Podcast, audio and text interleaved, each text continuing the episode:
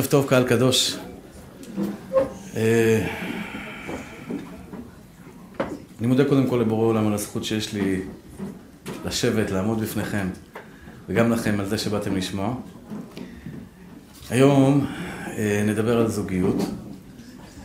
אה, ניקח את זה גם... ניקח את זה ככה, ננסה לפתח את זה לכמה מקומות.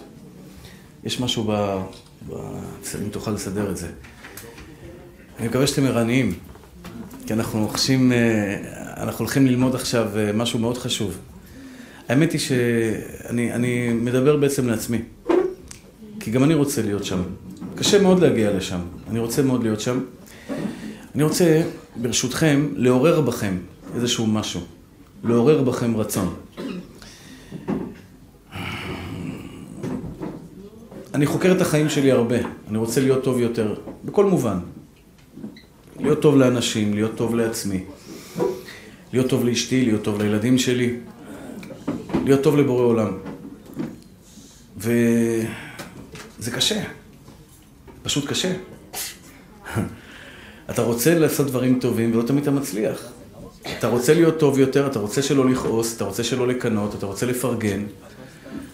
אתה רוצה להיות אדם שמח. יש פה מישהו שלא רוצה להיות אדם שמח? כולנו רוצים להיות אנשים שמחים. וזה קשה. וגיליתי משהו מאוד מעניין, אני רוצה לשתף אתכם. האם יש משהו שהוא בכלל בידיים שלנו? יש משהו שהוא בידיים שלי? אני אתן לכם דוגמה. אני רוצה שיהיה לי זוגיות טובה עם אשתי. האם זה בידיים שלי? פעמים כן, פעמים לא. זאת אומרת, אני מכיר לצערי הרב הרבה גברים ונשים שרצו מאוד מאוד מאוד להצליח בזוגיות שלהם, לא הלך. לפעמים זה לא תלוי בנו. לפעמים אתה מאוד מאוד כביכול שואף להגיע לאנשהו ולא מצליח. אם זה האישה פתאום מתהפכת עליך, אתה בא הביתה כמו איזה, וואו, תופסת לך אתה ו... או שהבעל פתאום משתגע.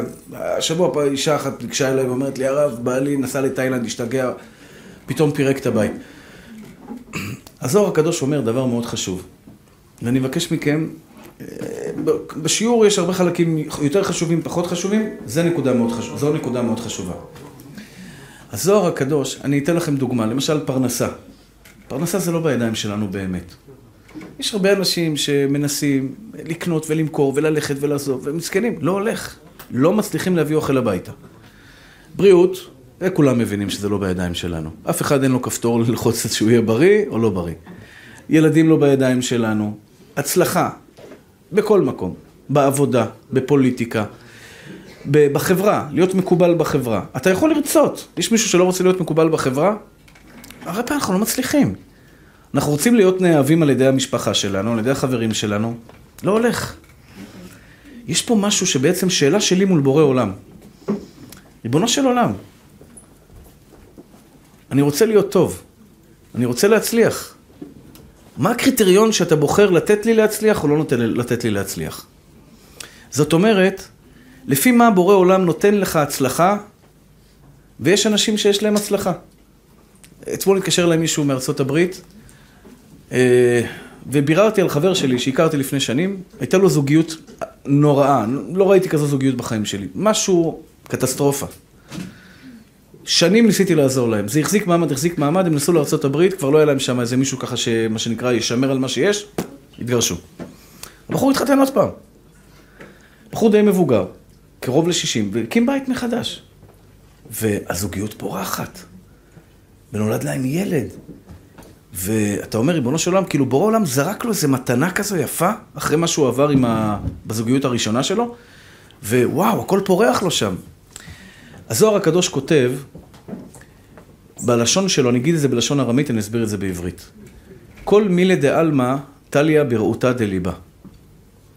במילים פשוטות זה כל מה שתרצו בעולם הזה להשיג, תלוי ברצון שלכם. תרצו, תקבלו. לא תרצו, לא תקבלו. אתם בוודאי בטח עכשיו מיד קופצים ושואלים, יש פה מישהו שלא רוצה? יש פה מישהו שלא רוצה זוגיות בריאה? אז למה יש גירושין? כשהבנו זוג מתחתנים, אתה שואל אותם, לנצח? בטח לנצח. כביכול יש להם רצון. אז למה הם לא מחזיקים מעמד? אם הכל תלוי ברצון שלי, זאת אומרת ככה. הקדוש ברוך הוא אומר לך, בני, אתה איזה שחקן כזה ששום דבר לא בידיים שלך, אני מחליט על כל צעד, על כל נשימה ונשימה אני מחליט לך. אז בעצם מה אתה רוצה ממני? אם אני לא מחליט, אתה מחליט, אז מה אתה רוצה ממני? להיות יותר טוב? אומר לך הקדוש ברוך הוא, תרצה. זה לא בידיים שלך, נכון? תרצה. ואתם יודעים מה גיליתי? אל תקפצו עליי מיד. תנו לי רגע להסביר את מה שאני אומר. שרוב האנשים לא רוצים. אני אומר רוב, זה מעל 90 אחוז. מה זה לא רוצים להצליח בזוגיות שלהם? הם רוצים להצליח בזוגיות שלהם, הם לא רוצים להיות טובים. הם לא רוצים להיות טובים, כי גיליתי שבאמת טוב זה בלשון הרחוב פראייר. גבר נכנס הביתה. ואשתו עברה יום קשה מאוד, וזה קורה המון, אני אדבר על זה בהמשך. היא עברה אה, אסתמה, גרדת, בעיות עם הילדים, היא תאונה. הוא נכנס הביתה, והיא פשוט פורקת עליו, בלי סיבה נראית לעין, את כל מה שהיא חוותה במהלך היום. הגבר עומד בכניסה, וואו, מה עשיתי לה? מה הרצון האמיתי שלו עכשיו? הרצון האמיתי שלו זה להעמיד אותה במקום. להיות גבר, להעמיד אותה במקום, אני יראה לה מה זה. את לא תדברי אליי ככה. זה הרצון הפנימי האמיתי שלו. מה השם אומר לך? השם אומר לך, תקשיב למה שאשתך אומרת. אשתך אומרת, קשה לי, תעזור לי. אשתך לא יוצאת עליך סתם. היא מבקשת עזרה. תתעלה עצמך. חמש דקות תהיה פראייר, כן. תהיה פראייר, מה שקוראים בלשון תשתוק, תבליג. מה קרה אשתי? בואי תספרי לי מה קרה, מה עבר עלייך היום, ואז אתה רואה בכלל שהיא מתחילה לספר לך שאתה בכלל לא קשור לתמונה. היא פרקה אצלך משהו שכאב לה בנושא אחר. האם אתם רוצים להיות פראיירים? אתם רוצים להיות טובים ברמה שהבן שלך יתנהג אליך בצורה לא יפה ואתה תחבק אותו ותנשק אותו ולא תעזוב אותו? כן, פראייר במילה של ברחוב, אני גדלתי בשכונת התקווה. בשכונת התקווה, כשהיינו יוצאים לרחוב ולשחק, זה לא היה בוא נדבר על זה. תשמע, אולי לקחת לי גולה, לקחת לי זה, בוא נדבר על זה. זה מי שיש לו את האגרוף הכי חזק, הוא מנצח. זאת אומרת, מי שגבר זה אחד שיודע לפרק את הצד השני. ולצערי הרב, בתוך תוכנו, הרבה כאלה, הרבה אנחנו, אנחנו לא באמת רוצים להיות טובים כלפי הזולת. זאת אומרת, אני אומר לכם במילים פשוטות, אם אני אצליח לשכנע אתכם, ועוד מעט נדבר על זה, איך ליצור רצון, איך ליצור רצון להיות אדם טוב יותר, אם לכם יהיה רצון עז בתוך העומק הלב שלכם, לגבר ולאישה, לחיות באהבה ואחווה, שלום ורעות אמיתי, כמו שהתורה אומרת, והיו לבשר אחד. אתה יודע מה זה בשר אחד? שהחברה הטובה ביותר בעולם שלך זו אשתך. שהחבר הטוב ביותר בעולם שלך, כל החברות לא מתקרבות לחברות האמיתית שיש לך אל מול בעלך. תרצו להגיע לשם, אתם תגיעו לשם. זה עולה כסף? כן. זה אומר שאני אצטרך להשקיע באשתי מאמצים כשלא בא לי? כשבא לי עכשיו ללכת לשחק כדורגל או לראות את ליגת האלופות, ודווקא היום אשתי במצב רוח כל כך גרוע והיא צריכה אותי לסגור את הטלוויזיה ולשבת מולה ולהגיד לה, אשתי היקרה, אני לוקח אותך לטען לאן שאת רוצה, אני איתך היום, אני רוצה להיות שם. אתם מבינים מה שאני אומר, אחים יקרים? זה לרצות להיות למטה גם לפעמים, לא רק למעלה. כל גבר בעולם רוצה להיות אפנדי. כשהוא נכנס הביתה ואשתו נעמדת דום, בעלי היקר, אמרו כל הילדים לעמוד על הרגליים, המלך הגיע, ארוחה ומסאז'ים ובלאגן ושי שי שי שי שי תמשיכו לחלום אחים יקרים, זה... כל גבר רוצה, מי לא רוצה כבוד בבית? מי לא רוצה, ש... מי לא רוצה עכשיו שאשתו תעמוד? איזה אישה לא רוצה שבעלה ישפוך עליה פרחים וישפוך עליה אהבה וכל יום אהובתי, יפתי, תמתי, עונתי, תמתי, כל הזמן יפרגן לה ויאהב אותה. אין אישה שלא רוצה את זה בעולם. את רוצה את זה, אבל יש דרך להגיע לשם. את יודעת מה הדרך להגיע לשם? כשבעלך עושה טעות, לא לרדת עליו, להרים אותו. כשאת רואה את בעלך במבוכה, כשהוא עשה טעות, ובאמת, יש פעמים שהבעל עושה טעות גדולה, והוא לא מתנהג בהתאם, והוא לא מספיק מפרגן, את מתעלה על עצמך, ולא יורה מיד את כל הפנימיות שלך לפרק לו את הצורה. כשאנחנו נרצה להיות שם, דהיינו, להיות ותרנים. אתם יודעים מה זה ותרנים? ויתור זה עוצמה. סליחה זה כוח. מי שלא סולח הוא חלש. כן, הפוך ממה שהעולם חושב. הפוך ממה שהעולם חושב. אישה שלא סולחת לבעלה זה אומר שאין לה תעצומות נפש מספיק גדולים להתעלות מעל זה ולהבין שיש פה סיטואציה שאני חייבת לפתור ואני אפתור אותה. והיא תסלח. לא כמו שרוב העולם חושב שלסלוח זה חולשה. מה, אני פראייר, אני אסלח לו? את גיבורה אם את סולחת לו. חז"ל אמרו את זה במשפט אחד. איזה הוא גיבור? כובש את יצרו. כובש את יצרו, אח יקר שלי. אנחנו נדבר היום על מידת הכעס בזוגיות, ואני מקווה שנספיק עוד כמה נושאים. אבל לפני כן אני חייב להגיד לכם דבר מאוד חשוב. כעסן זה אדם חלש, ואני לא מתכוון לפגוע. כעסן זה אדם שאין לו מספיק נפש רחבה וחזקה להכיל את זה שלא עומדים ברצונות שלו. שאשתך לא עומדת בתנאים שלך ואתה מיד מתפוצץ וכועס, זה אומר שאתה לא מספיק חזק להכיל את אשתך בחולשות שלה. זאת אומרת, אחים יקרים, אם אתם רוצים יום אחד להיות משהו מועיל באומה הזו, אני, אני אומר לכם מילים מאוד פשוטות, חדות. אם אתם רוצים להיות טובים ומועילים, אתם צריכים לדעת להכיל את השונה. המוח שלי צר אופקים מלהכיל טעויות של אחרים, כי אני אומר לעצמי, איך ריבונו של עולם היא עשתה טעות כזו? אין לי מעוף להבין גם שיש אנשים שעושים טעויות. וזה הבעיה גם בחינוך הילדים. חד משמעי. אדם קטן, סליחה על הביטוי, בדעת שלו, לא יכול לראות טעויות של הילד, לא יכול לראות שהילד שלו עושה טעויות, הוא מתפוצץ עליו ומשם הגלגל הוא בדרך החוצה. אדם גדול יודע להכיל את הטעויות של הבן שלו. כן, אישה חזקה ובאמת חכמה, כשהיא רואה שהבן שלה לא הולך לפי הכללים, חס ושלום, כשהוא מתחיל לסטות למקומות לא בריאים, זרקו אותו מבית הספר, היא מספיק רחבה בנפש. היא כן יכולה להכיל את השני ולהבין, יש בני אדם שקשה להם. יש בני אדם שלא יכולים לשבת בבית ספר כמו כולם, ואני מבינה את הילד שלי. זה גיבור אמיתי. אחים יקרים שלי, את תחילת ההרצאה אני מקדיש לנקודה הזו, ואני חייב שהיא תהיה ברורה לכולכם, כי היא תשנה לכם את החיים. אני מבקש מכם, אם יורשה לי, וזה לא חוצפה, לכל אחד ואחד מכם לשאול את עצמו שאלה פשוטה, מה אני רוצה? שימו לב, כשאתה בא הביתה, אתה רוצה לקחת או אתה רוצה לתת? כשאת באה הביתה, במערכת זוגיות שלך עם בעלך, מה את באמת רוצה? את רוצה לקחת רק, או את רוצה לתת? אתם תגלו, אני לא מתבייש לומר, אני מגלה את זה בעצמי. אני בא הביתה, אני רוצה שקט. מי שבא הביתה ורוצה שקט, לא תהיה לו זוגיות בריאה. כי לפעמים גם האישה צריכה שקט. גם האישה צריכה שאתה תהיה הדומיננטי עכשיו, תקום על הרגליים ותעבוד, כי היא אחרי יום קשה. שנינו רוצים לקחת, זה פיצוץ.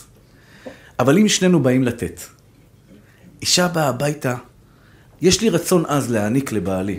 אתם יודעים למה יש לי רצון עז להעניק לבעלי? כי אני עכשיו הרבה יותר טוב. אני הרבה יותר טוב כשאני בא לתת לאישה שלי ולא בא לקחת. אני נהפך להיות הרבה יותר טוב. אני, אני, אני נהפך להיות דומה לבוראי, כי בורא עולם הוא הנותן המושלם.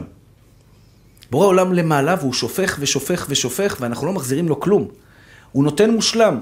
אם אני רוצה להיות דומה לבוראי והוא מצווה עליי להיות דומה לו, זה אני אבוא הביתה ואני ארצה לתת. אני אבוא למקום העבודה ואני לא ארצה רק לקחת מהבוס את המשכורת, אני אבוא גם לתת לבעל את המשכורת. כשאני אחיה במדינת ישראל, כן, והלוואי שנזכה כולנו להיות כאלה, אני מאחל את זה גם לעצמי, אני לא רק אשאל מה המדינה נותנת לי, אלא גם מה אני אתן לאחרים.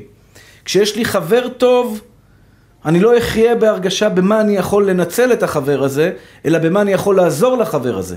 אם אני חי בהרגשה שאני מנצל את כל מי שאני מכיר, אני לא חי. זה לא חיים.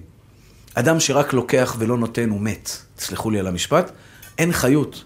כשאתה בא הביתה רק לקבל מאשתך, אתה לא בא בזוגיות, אתה אגואיסט. ועל זה אומרת התורה הקדושה, כי לא טוב היות האדם לבדו. אם את באה לזוגיות רק כדי לקבל, רק חום ואהבה, וכשהבעל שלך וזה קרה לי ממש בשבוע שעבר, בעל שנכנס למשבר כלכלי קשה. וכתוצאה מהדברים, משבר כלכלי זה חובות של מאות אלפי שקלים, כתוצאה מהדברים הבחור מסכן שבור. הוא לקח את זה לא בפרופורציות כל כך בריאות ונכונות, שבור, לא יכול להתייחס לאשתו, לפרגן, כלום, כלום, כלום, כלום. וכל היום אשתו רק מתנפלת עליו. מתנפלת על הבן אדם. למה אתה לא זה, למה אתה לא זה, למה לא אכפת לך? אבל את רואה שבעלך עובר משבר. זה לא הזמן לשים את האני שלי בצד רגע ולהגיד, אני היום שבועיים לא חושבת על עצמי, אני חושבת רק עליו, על הבן אדם הזה שיושב מולי, שהוא חלק ממני, שהוא נמצא במשבר. הוא נמצא במשבר, אני, אני עוזבת אותו במשבר כי הוא כבר לא יכול לתת לי את מה שאני צריכה? זה לא יפה. זוגיות כזו גם בדרך כלל מתפוצצת, כי הוא יזכור לה את זה. כשהוא יצא מהמשבר והוא יזכור שברגעים הקשים שהוא כל, כל כך היה צריך אותה, היא לא הייתה שם בשבילו. היא לא, היא לא תמכה בו, היא לא הבינה אותו. אחים יקרים שלי, אני מאחל לכם שתהפכו להיות בני אדם עם נתינה. אתם יודעים מה זה נתינה? כשאתה בא הביתה ואתה חושב חמש דקות, איך אני יכול לעשות טוב על הנשמה של האישה שמחכה לי בבית? איך אני יכולה לעשות טוב לבעל שמגיע אליי הביתה? אני יוצא רגע מעצמי שלי. אתם יודעים מה יקרה לכם? בורא עולם מתנהג איתכם באותה מידה. מידה כנגד מידה. אתה חושב על האחר, אתה רוצה גם שלאחר יהיה טוב. וזה לא רק בבית. תדעו לכם שזה מתחיל בבית וזה יוצא גם החוצה. אתם רוצים שחברים שלכם יאהבו אתכם? הם מריחים אתכם. חבר בסוף יקלוט אם אתה נצלן. חברה תקלוט אם את נצלנית. אם את באה בחברות הזו רק לקבל או גם לתת. בואו וננסה לפחות לרצות. כי אתם יודעים מה זה יהפוך אתכם? לאצילים. מה ההבדל בין אדם גס רוח לאציל נפש? אדם שהוא גס רוח זה אדם שרואה אותך ובקומפיוטר שלו הוא מיד, מה אני אוציא ממנו? אני אקבל את זה ואני אקבל את זה ואני אוציא את זה ואני אוציא את זה ואני אוציא את זה ובעלי ייתן לי ובעלי ייתן לי ואשתי תיתן לי ואשתי תעשה לי אל מול אדם שאומר, הדמות הזו שעומדת, איך אני יכול להרים אותה? איך אני יכול להרים אותה? הפכת להיות אדם אציל. איך אני יכול לעזור לאותו נהג שנמצא בכביש במבוכה, לאותה נהגת שנתקעה בפאנצ'ר, לאותו בן אדם שנתקע בלי כמה שקלים במכולת או באוטובוס, איך אני יכול לעזור לחבר שנפל לדיכאון? וואו, אתם יודעים שיש כל כך הרבה אנשים שפשוט זועקים לאיזה חבר שירים אותם גם כשהם לא מציאה כל כך גדולה. אתם יודעים שאדם בדיכאון הוא לא בדיוק פורח. ומחכים לליטוף הזה, שמישהו יבוא ילטף אותי, יקבל אותי כמו שאני, אתה יודע, ירים אותי, שייתן לי את המילים הטובות ברקע של המשבר הזה. וכדאי לכם להיות אתם שם, כי אתם יודעים, כי אם אתם תהיו שם, אתם מרימים את עצמכם לרמות הרבה יותר גבוהות. השם רוצה מכם רצון. אני מקווה שבסוף ההרצאה תזכרו את המשפט הזה, תחזרו הביתה. ואני יכול להגיד לכם משפט פשוט. כל העולם כולו בסופו של דבר מתאדה לנו אל מול העיניים. הילדים שיהיו בריאים, אמרתי את זה כמה פעמים. אנחנו משקיעים בילדים, והרבה נשים וגברים עושות את הטעות הכי גדולה, הם משקיעים בילדים יותר מבן הזוג. והמבחן של שלום בית, לא נעים לי, הרבה קצת כעסו עליי, אבל אני עדיין אומר את זה. אם את אוהבת את הילדים שלך יותר מבעלך, אם אתה אוהב את הילדים שלך יותר מאשתך, הזוגיות שלכם לא בריאה. אתם שורדים, הזוגיות שלכם לא אמיתית. מה לעשות? בורא עולם אומר אחרת. בתורה כתוב, ועזב את אביו ואימו, ודבק באשתו, והיו לבשר אחד. אחים שלי, הילדים פורחים מהקן. אין מה לעשות. אתם יודעים מה זה לחיות בבית בגיל 60-70, כשיש לך עוד איזה 30 שנה בעזרת השם בעולם הזה, ואין חיבור בינך לבין בת הזוג שלך? אני לא מבין מה, מה בני אדם עושים בבית, אני לא מבין, אתה חי עם אשתך בבית, ואין לך זוגיות בריאה? אתה מנסה לברוח ממנה? זאת אומרת, לא כיף לך לדבר איתה? אתה הרי דן את עצמך לגיהנום לכל החיים שלך, סליחה על הביטוי. אתה דן את עצמך לחיים אומללים. עם מי תשתף את החיים שלך? יש משהו יותר כיף לבוא הביתה ולספר את המועקות שלי לאישה שאיתי? לספר את המועקות שלך לבעל שאיתך? את הדברים, אתם יודעים, שאף אחד בעולם לא יכול לשמוע אותם, לא יכול לקבל אותם, וזה מה שקורה לי. הם הרגשות, אתם יודעים, ששיעורים והרצאות, ואני בא לפעמים מאוכזב, לפעמים שמח, לפעמים אני בדיכאון, חס ו... זה קורה לי, אני בן אדם, אני שומע המון צרות ביום, וזה משפיע עליי הרבה פעמים. אבל יש לי מפלט. אני יודע שעוד שעה אני מגיע הביתה. ושם תחכה לי אשתי, ואני אוכל לשפוך לה את ליבי. והיא תיתן לי את הליטוף שאני צריך היום. מחר היא תצטרך, אני אתן לה. היום אני צריך ליטוף. קרה לכם, נכון? גברים. שיום אחד אתה בא הביתה ואתה אומר, היום אני לא חזק, היום אני חלש, היום אני צריך שמישהו ילטף אותי. איזה כיף שאתה יודע שיש לך מישהו בעולם שהוא שלך לנצח. גברת יקרה, כל תענוגות העולם שיש לעולם הזה להציע לך, סרטים, טלפונים מדהימים, קניות שופינג בברצלונה, בקניונים הכי יפים בעולם. זה נשמע מעניין, ואני יודע שהרבה נשים משקיעות הון תועפות בזה. אבל אני אומר לכם, שאת התענוג הגדול ביותר שתשיגו בחיים שלכם, זה בכוס קפה במרפסת עם הבעל שלכם. לא יהיה לכם תענוג יותר גדול בחיים אם יש לכם חיבור, כי, כי החיבור זה בין נשמה לנשמה. כששתי הנשמות שלכם יתחברו, זה אומר שנהפכתם, החזרתם את זה למה שהיה למעלה. למעלה הייתם זוג אחד. כן, נשמה אחת הייתם, ברור עולם חילק אתכם לשניים, ולכן אנחנו שונים. כי בכל חלק בנשמה היו נטיות שונות, ירדנו לעולם, ובורא עולם אומר, תתחברו בחזרה. כדאי לכם להתחבר. כדאי לכם להתחבר. למה אני אומר לכם? אני רוצה לעורר בכם את הרצון. תראו, כל גבר פה יודע שיש לו את התאוות שלו. שמעתי על אנשים שבשביל ליגת האלופות, זמר מפורסם פה, הציעו לו הופעה באיזה 75 אלף שקל, אמר, קבעתי עם חברים ליגת האלופות. מוכן לוותר על 75 אלף שקל בשביל ליגת האלופות. לבריאות. אני מעריך אנשים כאלה, יש לו עקרונות. לכל אחד מכם יש רצון ומוכנות להשקיע בשביל להשיג דברים מסוימים. יש אחד שרוצה TMAX. החלום שלו זה TMAX. הבנתי שזה, לפי הבחורים הצעירים, זה, זה גבר בשכונה. לא יודע כמה עולה TMAX, 300 אלף, 200 אלף, לא יודע בדיוק, לא מבין. הוא מוכן בשביל ה TMAX הזה, למה? כי יש לו פנטזיה. סליחה שלקחתי דוגמה כזו, זה מה שרץ לי בראש, כן? כל אחד והפנטזיות שלו, יש אחד רוצה Range Rover, יש כל אחד והחלום שלו. אחד רוצה וילה על הים. שימו לב למה שאני אומר לכם עכשיו. בשביל החלום שלך, בשביל החלום שלך, סליחה שאני לא יודע מה החלומות של נשים, אני לא כל כך מבין בזה, מה הפנט... כאילו אישה, מה החלום שלה, לא יודע, אבל בואי ניקח את החלום שלך. איזה מטבח מדהים, אני יודע, 17 מטר מטבח עם אורות, עם מנצנצים וכל מיני דברים כאלה. ויש לך חלום להגיע לשם. כמה את מוכנה להשקיע כדי להשיג את החלום הזה?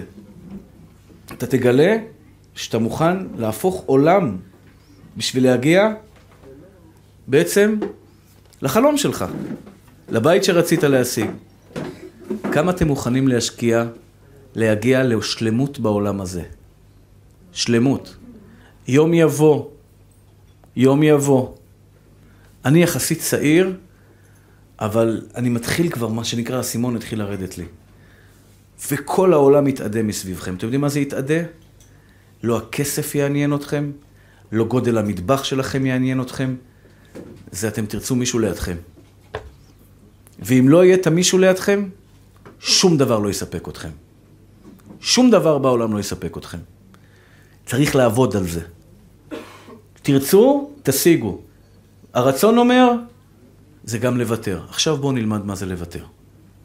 אחד מהבעיות הקשות ביותר שהורסות בתים זו מידת הכעס. מידת הכעס היא מידה של חוסר שפיות זמני. כן, חוסר שפיות זמני, ולצערי הרב החוסר שפיות זמני הזה יכול להרוס בתים. אני ראיתי בעיניים שלי בתים שנהרסים לחלוטין בגלל כעס.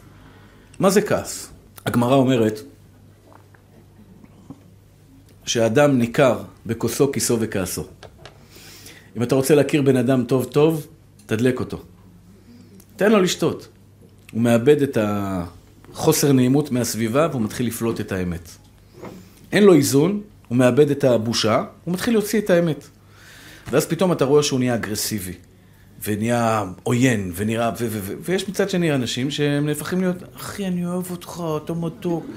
הוא כזה נהיה כזה חמודי, כזה מתוק. כי בפנימיות שלו הוא כזה.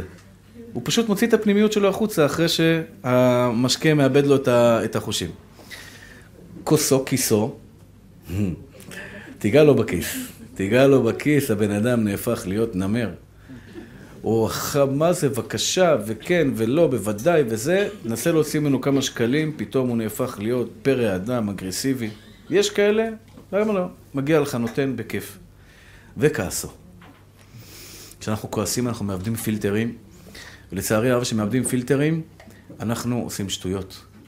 אנחנו יכולים להגיד מילים פוגעות, ועכשיו אני מדבר שנייה לגברים, גבר יקר, אישה יכולה לזכור 40 שנה, 40 שנה, מילה שאמרת לה. זאת אומרת, אם פעם אמרת לה, אה, את, אה, חס ושלום, אל תעשו את הטעות הזו, אני אפילו מפחד לחשוב על זה, אבל אני אגיד את זה, את שמנה, אוקיי, עשית טעות חיים, אחי, ברח לזה שלושה שבועות לחוץ לארץ, תירגע, תנוח ותחזור. אמרת משפט כזה, עכשיו, היא לקחה את זה לתשומת ליבה, היא עשתה דיאטה, הורידה 50 קילו, יעני, היא נהייתה הכי רזה בעולם, היא תזכור לך בעוד 50 שנה, אתה אמרת לי אז, אתה זוכר שהיינו בקניון ליד המקום שמה שרציתי בגדים, ו... ואמרת לי שאני שמנה. עכשיו, זאת צריבה, זאת צריבה. עכשיו, מה קורה? הגבר, אישה, גבר עשוי מבשר, אישה עשויה מעצם. כך אומרת הגמרא. עצם, הכוונה, הקדוש ברוך הוא לקח עצם מהאדם וברא את האישה, היא זוכרת יותר. כי מאוד רגישה לדעת, לדעה של בעלה. קוראים, לצערי הרב, הכעס מביא למקומות כל כך גרועים ורעים, שיש מצבים שהאישה פשוט לא יכולה לסלוח, והגבר לא יכול לסלוח, על טעויות שעשינו משעת כעס. כתוצאה מכך, הם פשוט מחליטים לפרק את הבית. זה מקרה קיצוני. יש מקרים שפשוט מריבה נמשכת כל כך הרבה זמן, בגלל שבשעת כעס אף אחד מהצדדים לא ידע להרגיע. אני לא מתיימר לומר שאני יכול לפתור לכם את כל בעיות הכעס בזוגיות. זה מאוד קשה, כי לדעתי, לדעתי, אדם כעסן, אדם שכועס, הוא צריך אבחון מסוים. זה לא נעים להגיד את זה, לא אבחון פסיכולוגי, זה אבחון פסיכולוגי, אבל צריך לראות מה מפריע לך. אני אתן לכם כמה נקודות, אבל לפני כן אני רוצה לדבר על הצד השני, הצד שרואה את האדם הכועס. זאת אומרת, אם שניהם כועסים, או, זה קשה מאוד, אני לא יודע אם אני יכול לעזור במקרה כזה, אבל, אבל לא כולם כועסים שניהם כל יום. זאת אומרת, רוב הפעמים זה אחד כועס והשני יותר רגוע. אם שניהם כועסים, זה באמת מתכון גדול לפיצוץ. אבל בואו ננסה רגע ללמוד את ההבחנה הזו. אני חושב שכל אדם בעולם צריך לדעת לאבחן את החבר שעומד מולו. מה עובר לך בנפש, אוקיי? זאת אומרת, אתה בא הביתה, תעיף מבט לראות מה עובר על אשתך. לדוגמה, מקווה שאשתי תסלח לי על מה שאני מספר עכשיו, אבל יש לנו רטיבות בבית, ולא מצליחים לעלות עליה, וזה משהו שם, השתבח שמו לעד, ויש שם ירוקת ו- ונהיה איזה. עכשיו אשתי, שתהיה בריאה, ישבה בחדר, והיא כנראה נשמה את, ה- את הזה, ונהיה לה קוצר. אני ניסיתי להביא את כל הפועלים שבעולם, את כל האנשי מקצוע, מצלמות טרמי, מצלמה כזו, לתקן את הבעיה. נראה לי שעלינו על זה עדיין, אבל יורד מים, מים כלואים, שמע מים כלואים, כל... בקיצור, אני מגיע הביתה, ואני קולט שהיא נושמת ככה, קיבלה קוצר. הסתכלתי בעיניים והבנתי שהיום צריך לשתוק, לא לדבר, פשוט לשתוק. היא הייתה במצוקה. באותו רגע, לא משנה מה שהיא תגיד לי, הכל בסדר. הכל בסדר. מיד אני מבין, אני לא עומד להתווכח איתה היום. היא, היא בקושי נושמת. מכירים איזה בן אדם שנמצא בקוצר? זה המוח לא מקבל חמצן, השתבח שם הולד, וכשלא עולה חמצן הבלגן, המוח, אה, העונה הימנית לא מתחברת עם השמאלית, נהיה שם בלגן, פשוט לא עונים. זאת אומרת, אני כרגע עוד לא עובד, על, לא מדבר על מידת הכעס, אני מדבר על הצד השני שראית. גברת יקרה, קלטת שבעלך כועס. נמצא במבוכה רגשית. יש אינטליגנציה רגשית שכל אדם צריך שיהיה בו, יש אנשים בלי אינטליגנציה רגשית. הוא מדבר בטונים לא יפים, בטונים גבוהים, הוא מדבר בצורה מזלזלת. הוא לא יודע מה אתה מרגיש. אדם חשוב, תדע מה הצד השני מרגיש. אתה עומד מולך בן אדם, ולפעמים אני נתקל, מאות אנשים מחכים. אתה רואה בן אדם בא אליי, מדבר אליי בטונים גבוהים. בטונים גבוהים. יום אחד, לפני שבוע, דפק לי מישהו בדלת. יש שומר בדלת, שלא ייכנסו כולם. התחיל לריב איתו מכות. התחיל לריב איתו מכות. הוא אומר לו, אתה לא נכנס. נכנס, אני אראה לך מה זה מכות עליו. ניגשתי לדלת, פתחתי את הדלת, ראיתי את הבן אדם, הוא היה בן אדם שתוי, לא במיטבו, שמתי עליו יד, אמרתי לו, אין בעיה, אתה תיכנס מותק. בשנייה אחת הוא נרגע. כי ראיתי בן אדם בסערת רגשות. תארו לכם שהייתי צועק עליו. הוא היה צועק עליי בחזרה, יכול להיות נסה להכות, נסה להרים ידיים, להוציא סכין, לא יודע בדיוק לאן זה היה מגיע. ראיתי בן אדם בסערת רגשות, ירדתי מיד, ירדתי. שמתי עליו יד, אמרתי לו, אתה תיכנס. הוא נכנס, והוא עדיין היה בסערת רגשות. והוא דיבר בתוקפנות, והוא דיבר בזה. ישבתי, אכלתי. יש פה בן אדם במצוקה. אני לא הולך לדבר איתו כמו אדם בוגר, אני לא הולך לענות לו על שאלות שהוא שואל ועל התקפות שהוא יתקוף, כי הבן אדם נמצא כרגע בסערת רגשות. אני מכיל כרגע. חשוב מאוד, חשוב מאוד מאוד. ברגע שאתם רואים, בן או בת הזוג, זה יכול להיות גם במקום העבודה, הבוס. לא כל פעם צריך לענות לו. יש ימים שהבוס הפסיד כסף, אה, התבטלה לו עסקה, הוא, הוא נכנס למשרד והוא כולו בפקעת עצבים, והוא מנחית הוראות, ואת, אני נפגעת וזה, ולמה אמרת לי כך? הבן אדם עכשיו לא באמת תבוא. ולכולנו זה קורה. למי זה לא קורה שלפעמים אנחנו, לצערנו הרב, מאבדים שליטה על המחשבה שלנו ומתנהגים לא יפה. עונים בגסות, עונים בצורה לא יפה, בצורה קצת פוגענית. חשוב מאוד להבין את נפש האדם של הצד השני. יש גם זמנים שאדם צריך לדעת, זה לא הזמן. למשל, אה, אה, יום שישי לקראת שבת. יום שישי לקראת שבת, באופן טבעי האישה מאוד בלחץ. למה אישה בלחץ? במיוחד שיש אורחים, נקודה, טיפ חשוב מאוד. אם יש לכם אורחים בבית, שבוע לפני כן האישה בלחוצה. מאוד לחוצה. כן, כן. למה?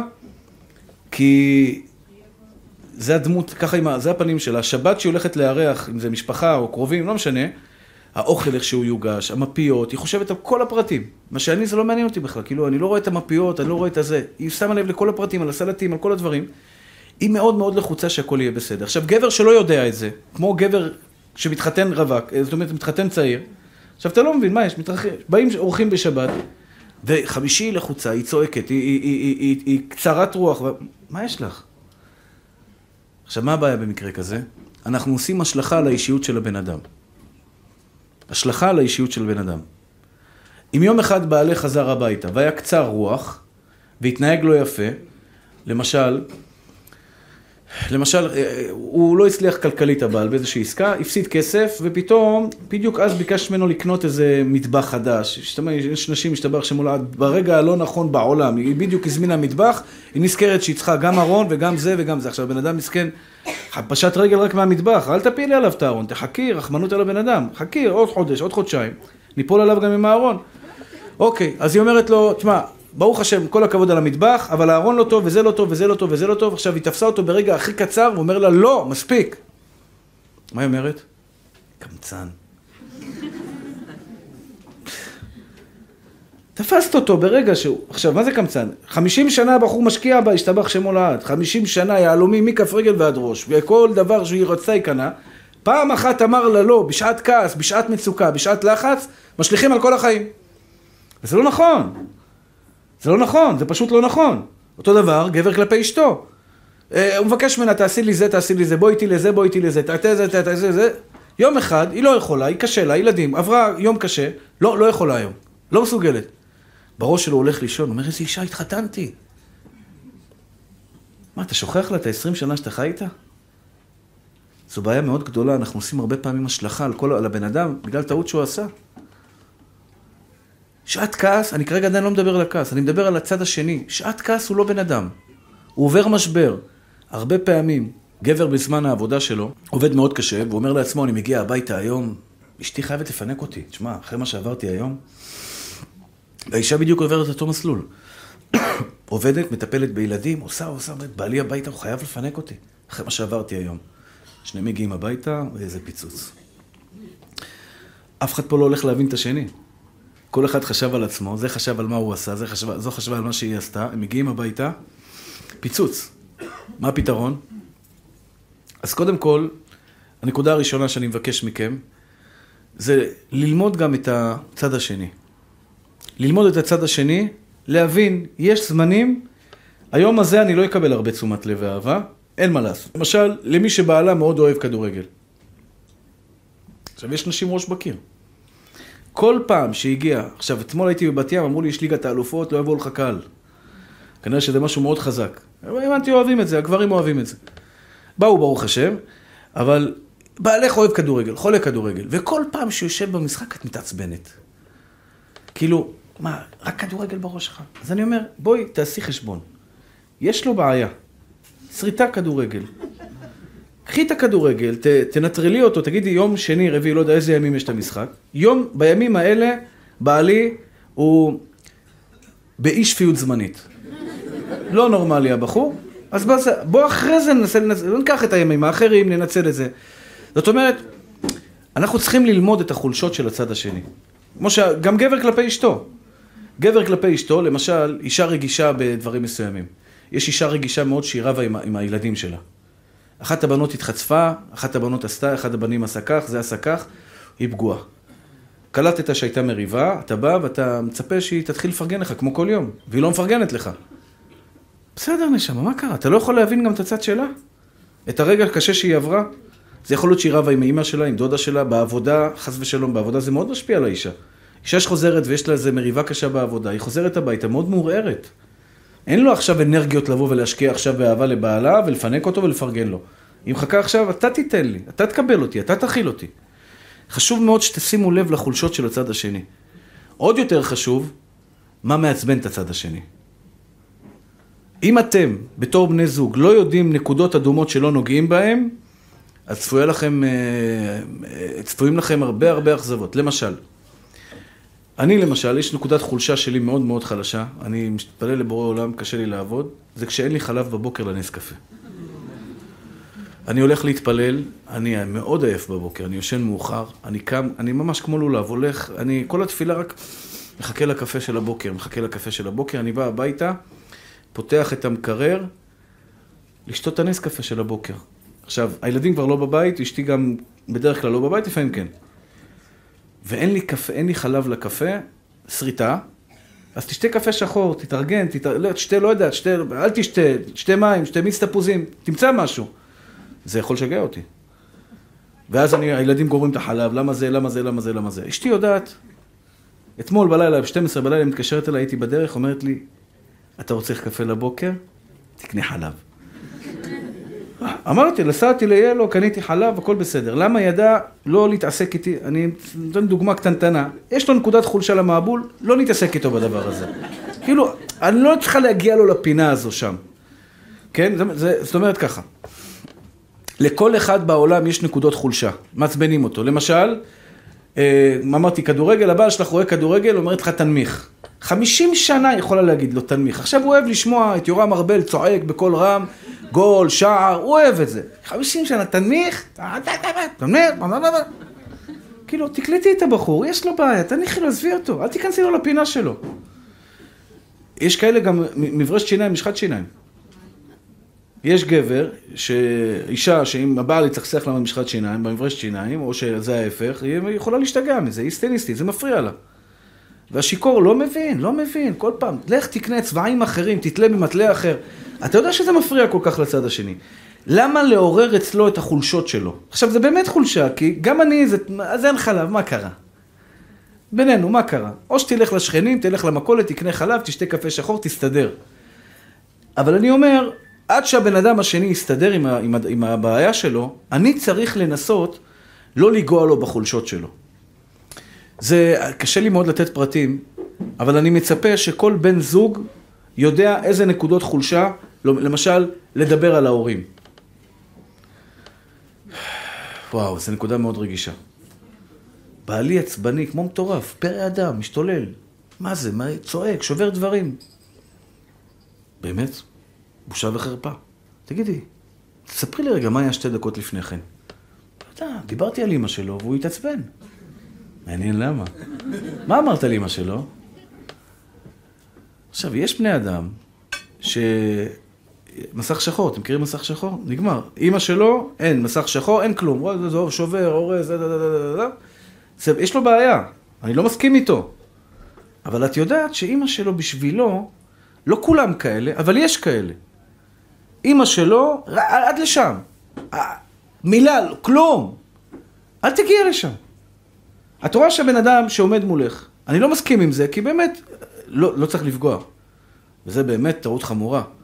לזלזל בהורים של הצד השני זה טעות נוראה. בכל זאת, האנשים האלה הביאו אותו לעולם, גידלו אותו. מה, מאיזה זכות יש לי עניין לדבר על הצד השני? לא מתערב לה. אמא, אשתי שואלת אותי, אמא שלי רוצה שאני אבוא, לא יבוא, ילך, לא ילך, יטפס על ההרים, יקפץ על הגבעות. לא מתערב. זה ההורים שלך. יש לך מערכת יחסים איתם. את יודעת בדיוק מה את מרגישה כלפיהם. אני לא יכול להגיד לך לא ללכת למקום שקבעתם, כי כך וכך וכך. איזה זכות יש לי? בעיניי זה טאבו. אני לא יכול להתערב במערכת היחסים של אשתי מול ההורים שלה. הם הביאו אותו לעולם, ההורים האלה 20 שנה השקיעו בילדה הזו, דאגו לה בית ספר, שיעורי בית, אה, שיניים, בלאגן, כל הדבר, כל מה שהיה צריך, ואני אגיד לה, אל תלכי? מי שיעשה את זה עושה טעות. כי בסופו של דבר אישה פתאום תגיד, לא אכפת לו מההורים שלי.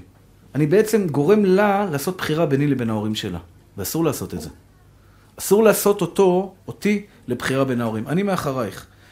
אני יודע שהורים זה סוגיה בפני עצמה. כי יש משפחות שנהרסו בגלל הורים, לצערי הרב, בגלל חברים ובגלל הורים. אתה יודע, כבר הזכרתי את זה. לצערי הרב, יש פסוק בתורה מאוד מאוד חשוב, וזה, אני, אני בתור אבא לבנות, קשה לי עם הפסוק הזה, אומר לכם את האמת.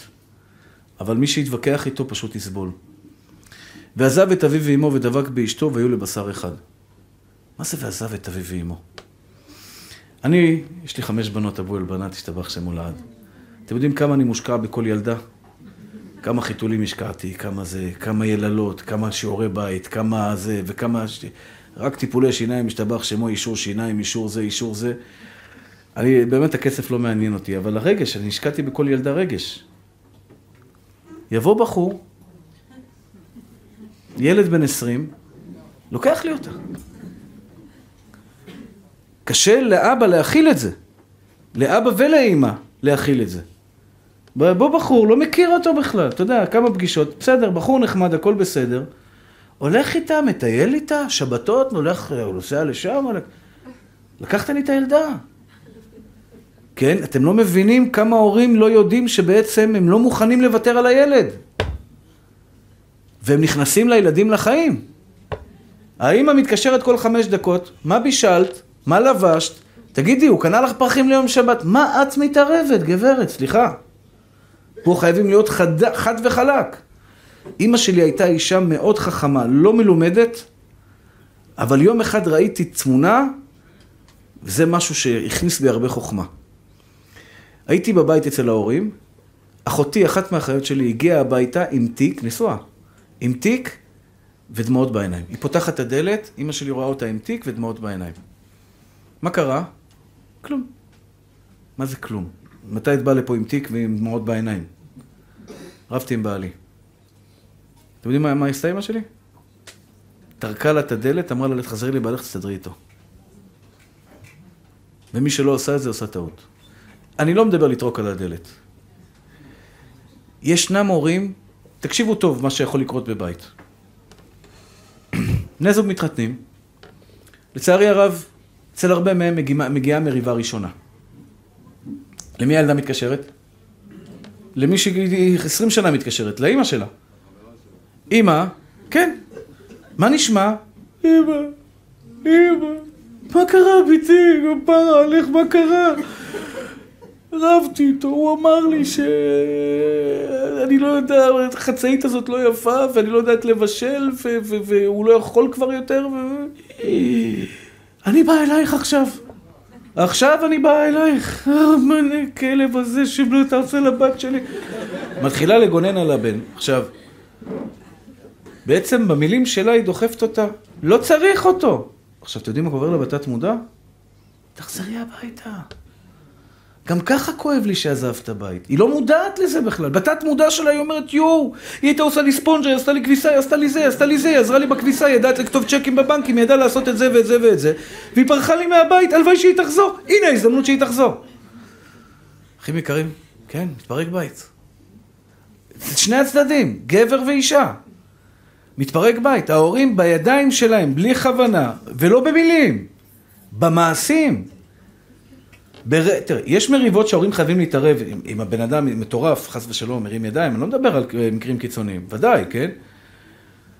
אבל אני רוצה לשאול אתכם שאלה. אתמול, אני מקצין, אני מביא לכם סיפור קצת קיצון, כדי שתבינו את המשמעות. אתמול הייתי בשיעור בבת ים, ניגשה אליי גברת, שאני באמת לא מכיר אותה, באוטו. אני נכנס לאוטו, והיא אומרת לי, הרב, יש לי שאלה. אני חי בזוגיות עם בעלי כשמונה שנים, רע לנו מאוד, אני רוצה להתגרש. מה אתה אומר? להתגרש או לא להתגרש?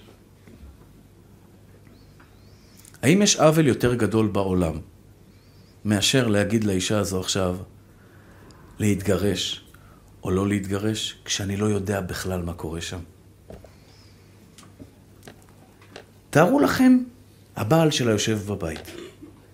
היא נכנסת הביתה, פותחת את הדלת ואומרת, שלום בעלי, הרב יגאל אמר שאנחנו צריכים להתגרש. יש עוול יותר גדול מזה. אני לא מכיר את הבן אדם, אני לא מכיר אותה, אני לא יודע מה הבעיות ביניהם, ואני פוסק להם להתגרש. רצחתי משפחה בידיים. לפעמים קורה שמתקשרת אליי חברה, מתקשר אליך חבר, או הילדים, ויש להם ככה מועקה על הלב, בעיה בזוגיות, ומספרים לך על הבעיה שיש להם בזוגיות. הטוב שבנו הורס. הרצון שלי לעזור הרבה פעמים, כשאני רואה אישה שנמצאת פה והיא באמת, יש לי רצון אז לעזור לה.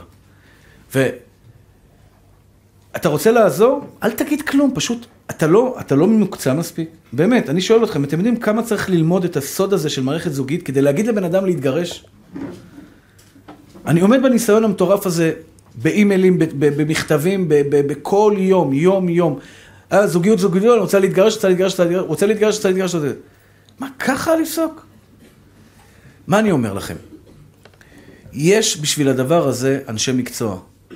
לעולם אל תכריעו לחבר או חברה. לעולם. כי זה יהיה על הצוואר שלכם. לחתוך בית זה טראומה לילדים לכל החיים, לא יעזור כלום. אין, ילד לא חוזר. הוא לא יהיה אותו ילד שהוא גדל בבית ששבת אצל אמא, שבת אצל אבא, שבת אצל זה, בגדים, חברים של אבא, חברים אצל אמא, בגדים אצל אבא, בגדים אצל אמא. זה ילד שגודל ב... אין לו, אין לו, אין לו קרקע. לפעמים אין ברירה. אתה רוצה לקחת על עצמך, אתה רוצה לקחת על עצמך את האחריות הזו? תשמע, תקשיב, תפנים, תעודד. תעודד, כן. אל תתעלם מהשיחה. כשחבר שלך במצוקה בזוגיות, אל תתעלם. תקשיבי. כן, אני מבינה אותך, קשה, גם אני מכירה, גם לי היה קשה. תעודדי להפנות לאיש מקצוע. להפנות לאיש שמבין, שיודע לגשר, שיודע לפשר, לא לחמם. מה? ככה הוא עשה לך? היה לי, היה לי מקרה כזה של קרובת משפחה, שהיה לה בעיות קשות עם בעלה, יום אחד היא דחוף, דחוף, אני חייבת לפגוש אותך, מה קרה? החלטתי להתגרש. ואיך הגעת לזה? יש לה חמישה, ארבע, חמישה ילדים, ארבעה ילדים. ילדים לא תמיד זה סיבה לא להתגרש, אבל תסבירי לי מה זה, ככה בהפתעה? לא, לא, לא, החלטתי. חקרתי, חקרתי, חקרתי, התברר שיש לה שכנה. שכל פעם שהיא רבה עם בעלה, מיד מרימה טלפון ליועצת המשפטית לראשות הממשלה, מרימה לה טלפון. מספרת לה, תשמעי וזה. וברוך השם, השכנה, הגברת הזה, היא יעצה לה את העצה הכי יפה בעולם, אמרת, תגידי, השכנה הזו, מה מצבה? אה, היא גרושה שלוש פעמים. אני לא מזלזל בה, דחילק, מה נהיית, יועצת עכשיו? מה את באה אומרת למשפחה להתגרש? הם חיים עכשיו באהבה ואחווה שלום ורעות. הייתה ביניהם בעיה, ברוך השם, שלחתי אותם לאיזה, קצת אה, שיפוץ מצד הבעל, שיפוץ מצד האישה, מדברים, מסתדרים, ברוך השם, חיים באהבה, אוהבים, מסתדרים, זה. אני, אני אומר בזה, זו נקודה מאוד חשובה. קרה לכם, וזה קורה המון. בני, אנשים שנמצאים במצוקה מרימים טלפון. תעודדו כן, תחזקו כן, תדרבנו להיות טובים יותר כן, אבל אל תכריעו. לא לכאן ולא לכאן. גם לעולם אל תשפטו את הצד השני. אז זו טעות הכי גדולה שיכולה להיות בעולם. אתם יודעים כמה פעמים שנשים וגברים באים אליי ואומרים לי, הוא עשה לי והוא עשה לי והוא עשה לי והוא עשה לי והוא עשה לי, ואתה אומר, וואו, מה זה, זה, זה, זה מטורף, איך אפשר לחיות עם בן אדם כזה? ואז אתה קורא לצד השני, ואתה שומע את הרקע למה קרה לפני כן, ואז אתה מבין שבעצם, אה, זה כמו, הוא הרביץ לי. בא לי הרביץ, הרים על היד. היום הוא עבר כל גבול, הוא הרים על היד. עכשיו, אני מכיר אותו, הוא לא טיפוס מרים, הוא מפחד מהצל של עצמו, הוא בכלל גדולה כזו והוא כזה קטן, איך הרים עלייך יד? מתברר שהוא, אחרי דין ודברים, רצה לצאת מהבית. היא עמדה על הדלת, אמר לו, אתה לא יוצא. אתה לא יוצא. הוא אומר תני לי לצאת, אני רוצה לצאת. פתח את הדלת, היא סגרה את הדלת, פתח את הדלת, הרבצת לי. על זה אומרת הגמרא, שמוע בין אחיכם ושפטתם צדק. אף פעם אל תשמע צד אחד בלי שמעת את הצד השני. אוקיי, אני חוזר לנושא שלנו. אני חוזר למידת הכעס. אז דיברנו על זה שאנחנו צריכים לדעת להכיל את הצד השני, לאבחן אותו. זאת אומרת, כל פעם שאנחנו מגיעים הביתה, אבחון קל, מה המצב בבית, הכל בסדר? האישה, או, המצב רוח טוב היום, אני יכול להתפנק. יאללה, אשתי, פנקי אותי היום. מצב רוח לא טוב, אני מפנק אותך היום. מה קרה? עושה לך פרצופים, קח אותה, בדיחות, צריך לשמח אותה. זה חשוב, תדעו לכם. אה, האמת היא שזה גם בחינוך הילדים. גם בחינוך הילדים, הרבה פעמים ילד נמצא במצב רוח קרבי. אתה רואה, מסכן, הילד עצבני. תירגע, תירגע, תירגע. לא ללכת נגד הילד. מה תירגע? הבן אדם, הילד עכשיו כולו פקעת עצבים, מסכן. מה, איך הוא יכול להירגע? אל מה אני אעזור לו? בוא. לנגוע בו מאוד מרגיע, נגיעה מאוד מרגיעה. שים לו יד עליו, פתאום הוא מרגיש חמימות כזו, מישהו מבין אותי, הוא קצת נרגע. נגיעה מאוד עוזרת. על מה אתה כועס? בוא תספר לי על מה אתה כועס. הוא עצבן אותי, הוא עשה לי. אני מבין אותך. אבא מבין אותי. מעביר, מסיח את דעתו, זה קורה, יכול להיות שהוא אולי קשה לו וזה, מרכך אותו בכמה מילים יפות, הכל נרגע. איך עובדים על הכעס? הוא, זה סרט שלם. איך לא לכעוס. איך לא לכעוס. לא להרים טונים. אני מאחל לכולכם שלעולם יצטרכו להרים טונים. מי שמרים טונים וצועק, הוא משדר, אתם יודעים מה הוא משדר? חולשה. דבר בלחש, אתה משדר חוזקה. דבר בגול, אתה משדר חולשה.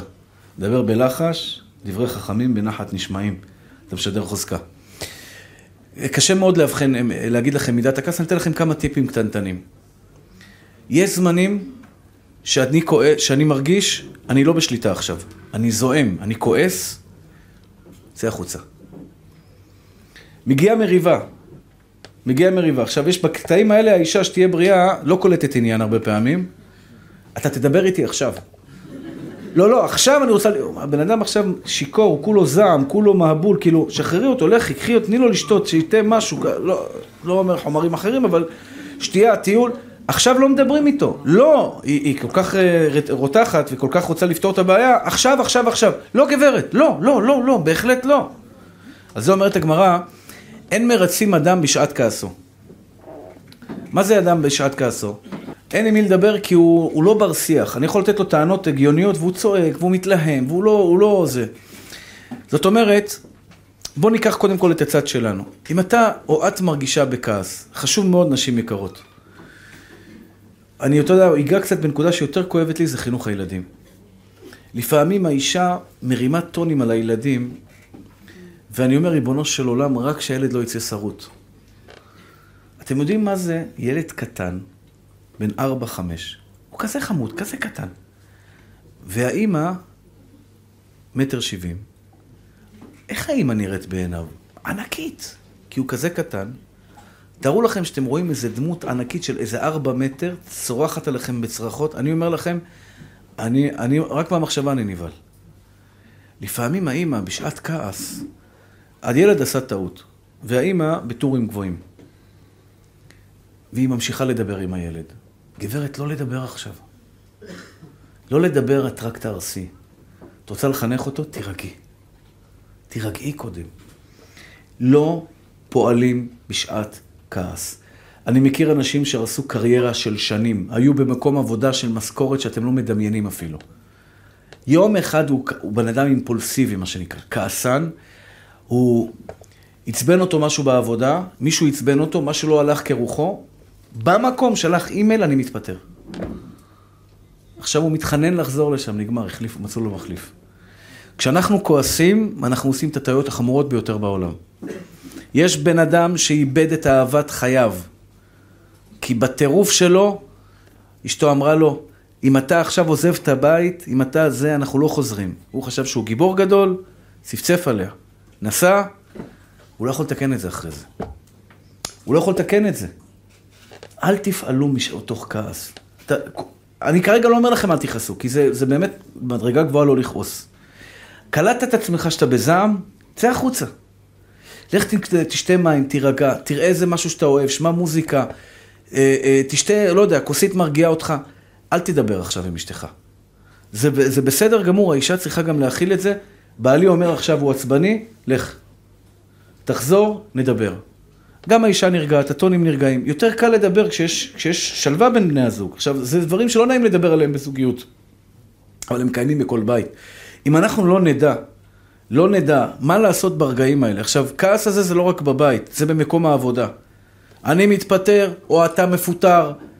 אתה יודע, בין הבעל הבית שגילה חבר, ש... עובד שעשה טעות, או עובד שבעל הבית דיבר עליו בצורה לא יפה, מיד מגלים את הטעות, זעם. זה, שוברים את הכלים. כמה פעמים חברות של שנים נהרסה בגלל רגע של כעס. חברות של שנים, כל כך הרבה שנים עם חברים. אחים, חתונה, אתה יודע, לפעמים זה נראה לי כמו גנון. ממש גנון, גנון.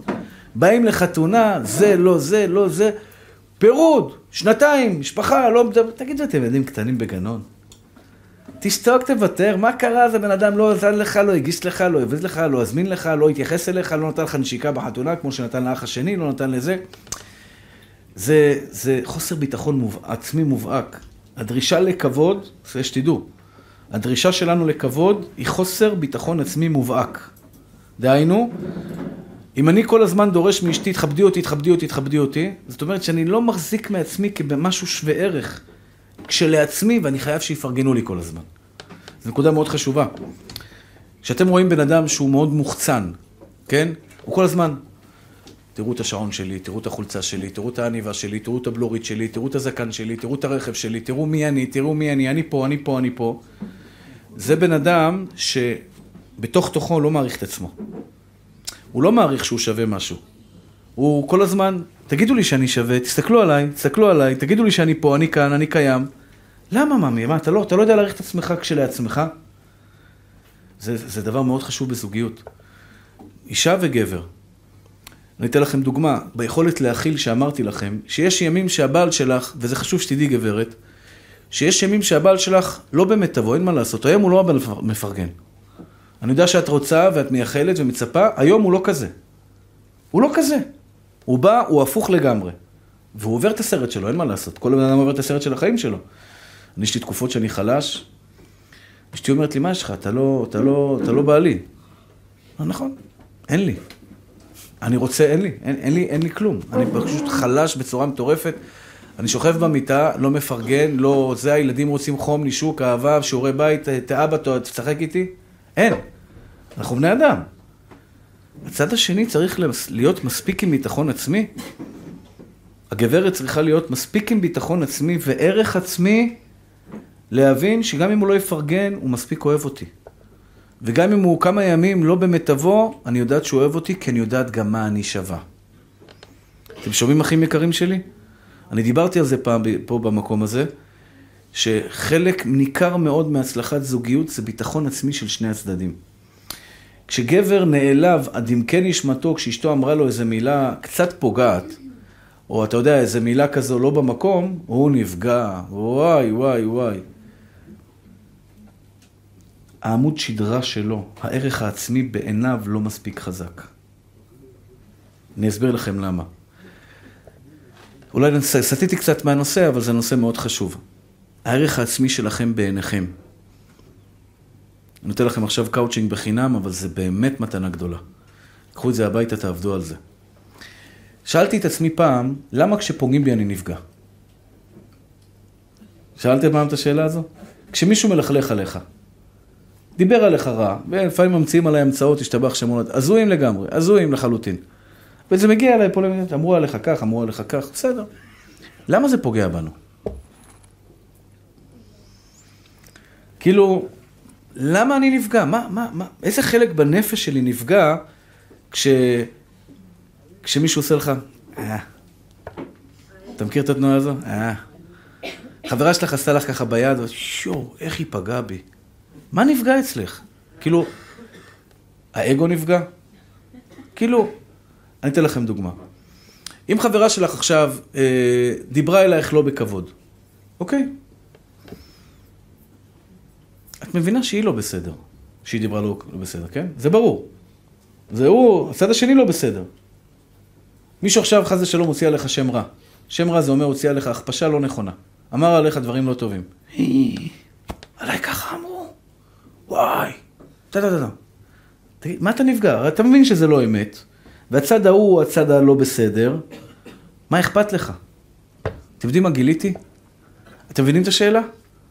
זו שאלה שאני מתאר לעצמי שכל אחד מכם היה צריך לשאול את עצמו כדי שלא להיפגע. אתם מבינים שאם אנחנו נפגעים מכל שטות שמישהו מפריח עלינו באוויר, אנחנו פשוט מסכנים? אתה לא, כאילו, אתה, אני לא רואה לכם בעיניים, אתם מבינים מה שאני אומר? או שאתם עייפים, נגמר, זהו, עברה, עד זה נגמר השעה. אני כבר קולט אתכם, השתבח שם הולד. אני אומר לכם את האמת, אני רוצה לא להיפגע מאנשים, מה אני אעשה חשבון לבני אדם? יש משפט באנגלית, אמרתי אותו השבוע, אהבו אותו, so what? so what? אתם מכירים את זה? so what? באנגלית זה נשמע טוב. כאילו, מה אכפת לי ממנו? אז אמרה עליי, אשתי אמרה עליי שאני יש לי קרס, השתבח שמו לעד, so what? אה? אהבתם את זה. באמת, כאילו, נו, אז מה קרה? אז יש לי, אני מתחיל להקריח מפרצונים, ותשמע, וככה וככה. מה, אז מה אתה רוצה? טוב לי עם עצמי, השתבח שמו לעד. אוף, איזה בן אדם מפוזר אתה. אתה אני מפוזר, מה קרה? למה אנחנו נפגעים? וואלה, זה סוד, שווה לכם להישאר ערניים אפילו רק בשביל זה. באמת, תקשיבו, תראו. תראו משהו מדהים. כשמישהו אומר לי, למשל, אני אתן, אני אנסה למצוא את הדוגמה היפה כדי לתת לכם, את ה, להסביר את זה בצורה נכונה. אם מישהו יבוא אליי ויגיד לי, תשמע, יגאל כהן, אתה גמד. אני אתייחס אליו או לא אתייחס אליו? לא. למה לא? כי זה לא נכון. אני לא גבוה, אבל אני גם לא גמד. ממוצע. כשזה דבר הזוי לחלוטין, אתה גם לא תיפגע. נכון? מה זה, מהבול, כאילו, מה אתה מדבר? הוא לא קשור למציאות, אני לא אתייחס. אם אשתך תבוא תגיד לך, בואנה, אתה שוקל 200 קילו. אני לא שוקל 200 קילו. אני ברוך השם, משתבח שם מול גודל, אבל לא 200 קילו. אני לא אתרגש ממה שהיא אומרת לי. מתי אני כן נפגע? כשזה משהו ככה על גבול שיש לי איזה... על גבול האמת. עכשיו שימו לב. כשבן אדם הולך עם הערכה עצמית, פנימית, הוא לא מעריך את עצמו. למשל, אם גברת מרגישה שהיא כל הזמן מסתכלת על עצמה והיא אומרת, אני לא יפה. אני לא יפה. שזו טעות גדולה. בחיים שלך אל תגידי את המשפט הזה, שמעת? בחיים שלכם אל תגידו את זה. את יפה, הכי יפה בעולם, כי ככה השם עשה אותך. בחיים שלכם, אל תיתנו לאחרים להחליט מה זה יופי. שמעתם מה אני אומר לכם? פה זה אני מתעצבן. כי, כי, כי אנשים הורסים לעצמם את החיים. אוף, אני שמנה. לא. את יפהפייה. אני רואה שאתה... למה אתם נותנים למישהו אחר בעולם להחליט אם אתם יפים או לא יפים? תגידו, יש טיפשות יותר גדולה מזאת? מי מחליט מה זה יפה? את ראי, כי ראית דוגמנית שם, אז את אומרת, אני לא יפה. לא, היא מכוערת, אני יפה. האם הבלונדינית עם העיניים הכחולות, המטר תשעים? מכוער, זה לא יפה. הכי יפה זה קטן, שחור וכזה נחמוד. למה לא? למה לא? יש סטיגמות בעולם מטורפות, באמת מטורפות, אני לא מצליח להבין אותן בכלל. כאילו, דחילק, מה אתה יורד על עצמך? מה את יורדת על עצמך כל הזמן? השם ברא אותך כך, ריבונו של עולם, למה את לא מקבלת את עצמך כמו as is? כמו שהשם ברא אותך. מספיק כבר להיות כל הזמן חנפנים לאחרים. השם ברא אותך ככה עם קרס, הכי יפה בעולם. תעמוד ברחובות העיר ותגיד, זה הקרס, השומן הזה, זה השומן המשובח ביותר, העיגולים, זה העיגולים הכי יפים בעולם, רבותיי. מי שרוצה לצלם את זה בפרופיל, לקחת את זה לדוגמנות, עליי. זה הכי יפה בעולם. למה אני צריך להתבייש במה שאני? אלוקים ברא. אתה יודע, אני מאז שאני מכיר את עצמי, אני בדיאטה, השתבח שמונה. כל הזמן, אתה... אני לא יכול לאכול פסטות, אני אוכל פסטה ישר הצמיג מאחורה, השתבח שמו לעד, אני מתחיל להרגיש שאני מתגלגל.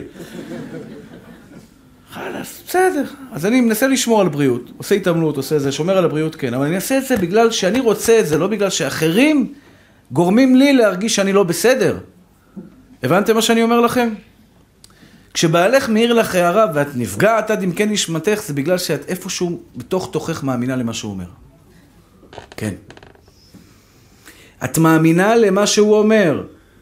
ואם יש לך הערכה עצמית מספיק טובה, את לא תקבלי כל שטות שמישהו פולט אלייך. גם אליך, בעל יקר. לא אכפת לך, אתה קמצן. אני קמצן. אוקיי. הנה, אליהו אומר, so what? מה אני מתכוון? אם אתה יודע בתוך תוכך שאתה לא קמצן, ואתה צריך לדעת את זה. אתה לא קמצן כי, כי השתבח שמו לעד, אשתך כולה יהלומים, ויש לה את זה, ויש לה את זה, ויש לה את זה. אם אשתך תגיד לך שאתה קמצן, לא, זה לא יפריע לך בכלל. יש לך מספיק הערכה עצמית כדי לדעת, אני לא קמצן, זה בסדר. היא רק פגועה, היא כועסת, זה יעבור לה. כשבעלך אומר לך, מה זה? האוכל שלך לא טעים. גברת יקרה, בשנייה אחת הוא לקח לך את כל השנים האלה של הבישולים המדהימים שעשית, ואת נפגעת? מה, את כבר לא מעריכה את כל האוכל הטעים? אז זה שהוא עכשיו בשעת כעס ופולט שטויות, למה את נפגעת? למה את נותנת לו לערער לך את הערכה העצמית שלך? אתם מבינים מה שאני אומר? לא, אני יודעת לבשל, וגם אם יצא לי אוכל לא טעים, so what? אז מה, אז עכשיו יצא לי אוכל לא טעים, מה קרה? אני אומר לכם דברים, אלף שקל אתם צריכים לשלם על הקאוצ'ינג הזה עכשיו שאני נותן לכם. באמת, אני לא צוחק איתכם, זה ישנה לכם את החיים, זה יעשה לכם טוב. תעריכו את עצמכם, ריבונו של עולם. גברת, אם פעם אחת הבית לא נקי ובעלך בא הביתה ועצבני מאיזשהו דבר, אומר, מה זה, כל הבית הזה מבולגן? תלטפי אותו, תגיד לי, נשמה, זה יעבור לך, בובי, שתי כוס מים קרים, זה יעבור לך. את לא צריכה להיפגע ולא כלום. 50, 40 שנה את מנקה לו את הבית, המסטול בא פעם אחת, הוא מערער לך את כל הביטחון שלך? אני שואל אתכם, זה פייר או לא פייר? לא פייר, מה צריך להתרגש ממנו? אתם מבינים מה שאני אומר? זה כמו הילדה הקטנה שלי. יום אחד הייתי איתה לבד בבית איתי. וואלה, זאתי נצלנית, ישתבח שמו לעד, מה שהיא עושה לי. אני לא יכול על הילדה הזו, אני לא יכול עליה. בקיצור, היא באה אליי, אמא לא בבית, אף אחד לא בבית, שוקולד. אבא, שוקולד. אמא מרשה? כן. טוב. עשה סיבוב, טה-טה-טה-טה-טה, אבא, היא באה אליי, יושבת עליי, היא, היא, לא, היא לא באה לבקש עוד פעם שוקולד, היא באה אליי, מחבקת אותי, אבא, אתה רוצה נשיקה? יש לה לחיים, משתבח שמו, יש לה... היא רצה והלחיים רצות איתה ככה, יש לה לחיים, אני בא, לוקח אותה, בטח נשיקה, נותנת לה נשיקה, אבא, עוד שוקולד. טוב, מה אימא הייתה אומרת עכשיו, אני לא יודע בדיוק מה, כמה מותר, כמה אסור, טוב, יאללה, עוד אחת, מספיק, אחרון. בקיצור, עשתה לי את המשחק, היא באה לבקש את השלישי. נשיקה, זה אמרתי לה, נשיקה אני אקח, שוקולד לא תקבלי אבל. אתה אבא רע. אמיתי, ככה היא אומרת לי, אתה אבא רע.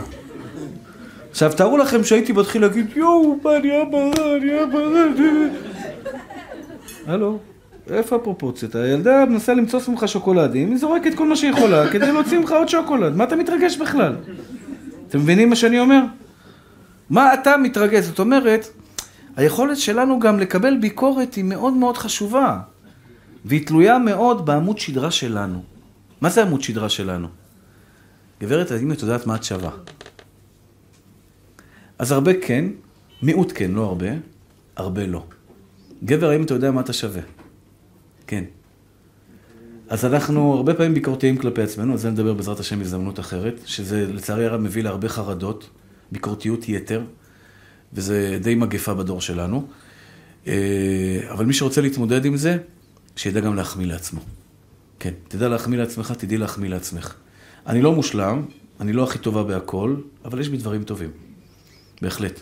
הייתי קורא לזה ליטוף עצמי, שכל אחד מאיתנו צריך מדי פעם. ואם אחד יכול לתת את זה לשני, וזה מאוד חשוב. אתם לא יודעים כמה לפעמים אני צריך שאשתי תעודד אותי. לפעמים אני פשוט קורס. אני קורס. כי יש עליי לחץ מאוד גדול, וזה רוצה, וזה רוצה, וזה רוצה לפגוש אותי, וכועסים עליי, ורבים איתי, ולמה אתה לא בא לפה, ונהיית סלב, וכל מיני משפטים מאוד פוגעים. כן, אנשים פוגעים חופשיים, שולחים לי מסרונים, אה, אה, שכחת פתאום מאיפה באת, וכל מיני דברים כאלה. כי אני לא יכול לעמוד בקצב, ואנשים רוצים שאני לא יכול, אני בן אדם. ו, ואני בא הביתה, ואני צריך מאוד מאוד, אשתי, לטפי אותי, פשוט תני לי כוח. ואז היא אומרת לי, אל תתייחס, והכל בסדר. אתה רוצה לשמוע את זה, אני בן אדם. נכון? כל אחד רוצה לשמוע את זה? אז תשימו לב, לפעמים הבן זוג שלך רוצה שתרימי אותו קצת היום. הוא רוצה אותך היום, היום אני הילד הקטן, היום אני רוצה שתעודדי אותי. אותו דבר האישה שלנו, כמה פעמים היא צריכה אותך. היום, רק תרים אותה. אל תעיר לה שום הערה היום. זה לא יום להערות. זה יום לא כן, אבל כן. כלום, היום את מושלמת. היום את רק טובה, כי אתה בא להרים אותה. השם יתברך ייתן לכם שמחה אמיתית כל ימי חייכם. שתהיה בינינו אהבה ואחווה, שלום ורעות, אמן כן יהי רצון. תודה רבה.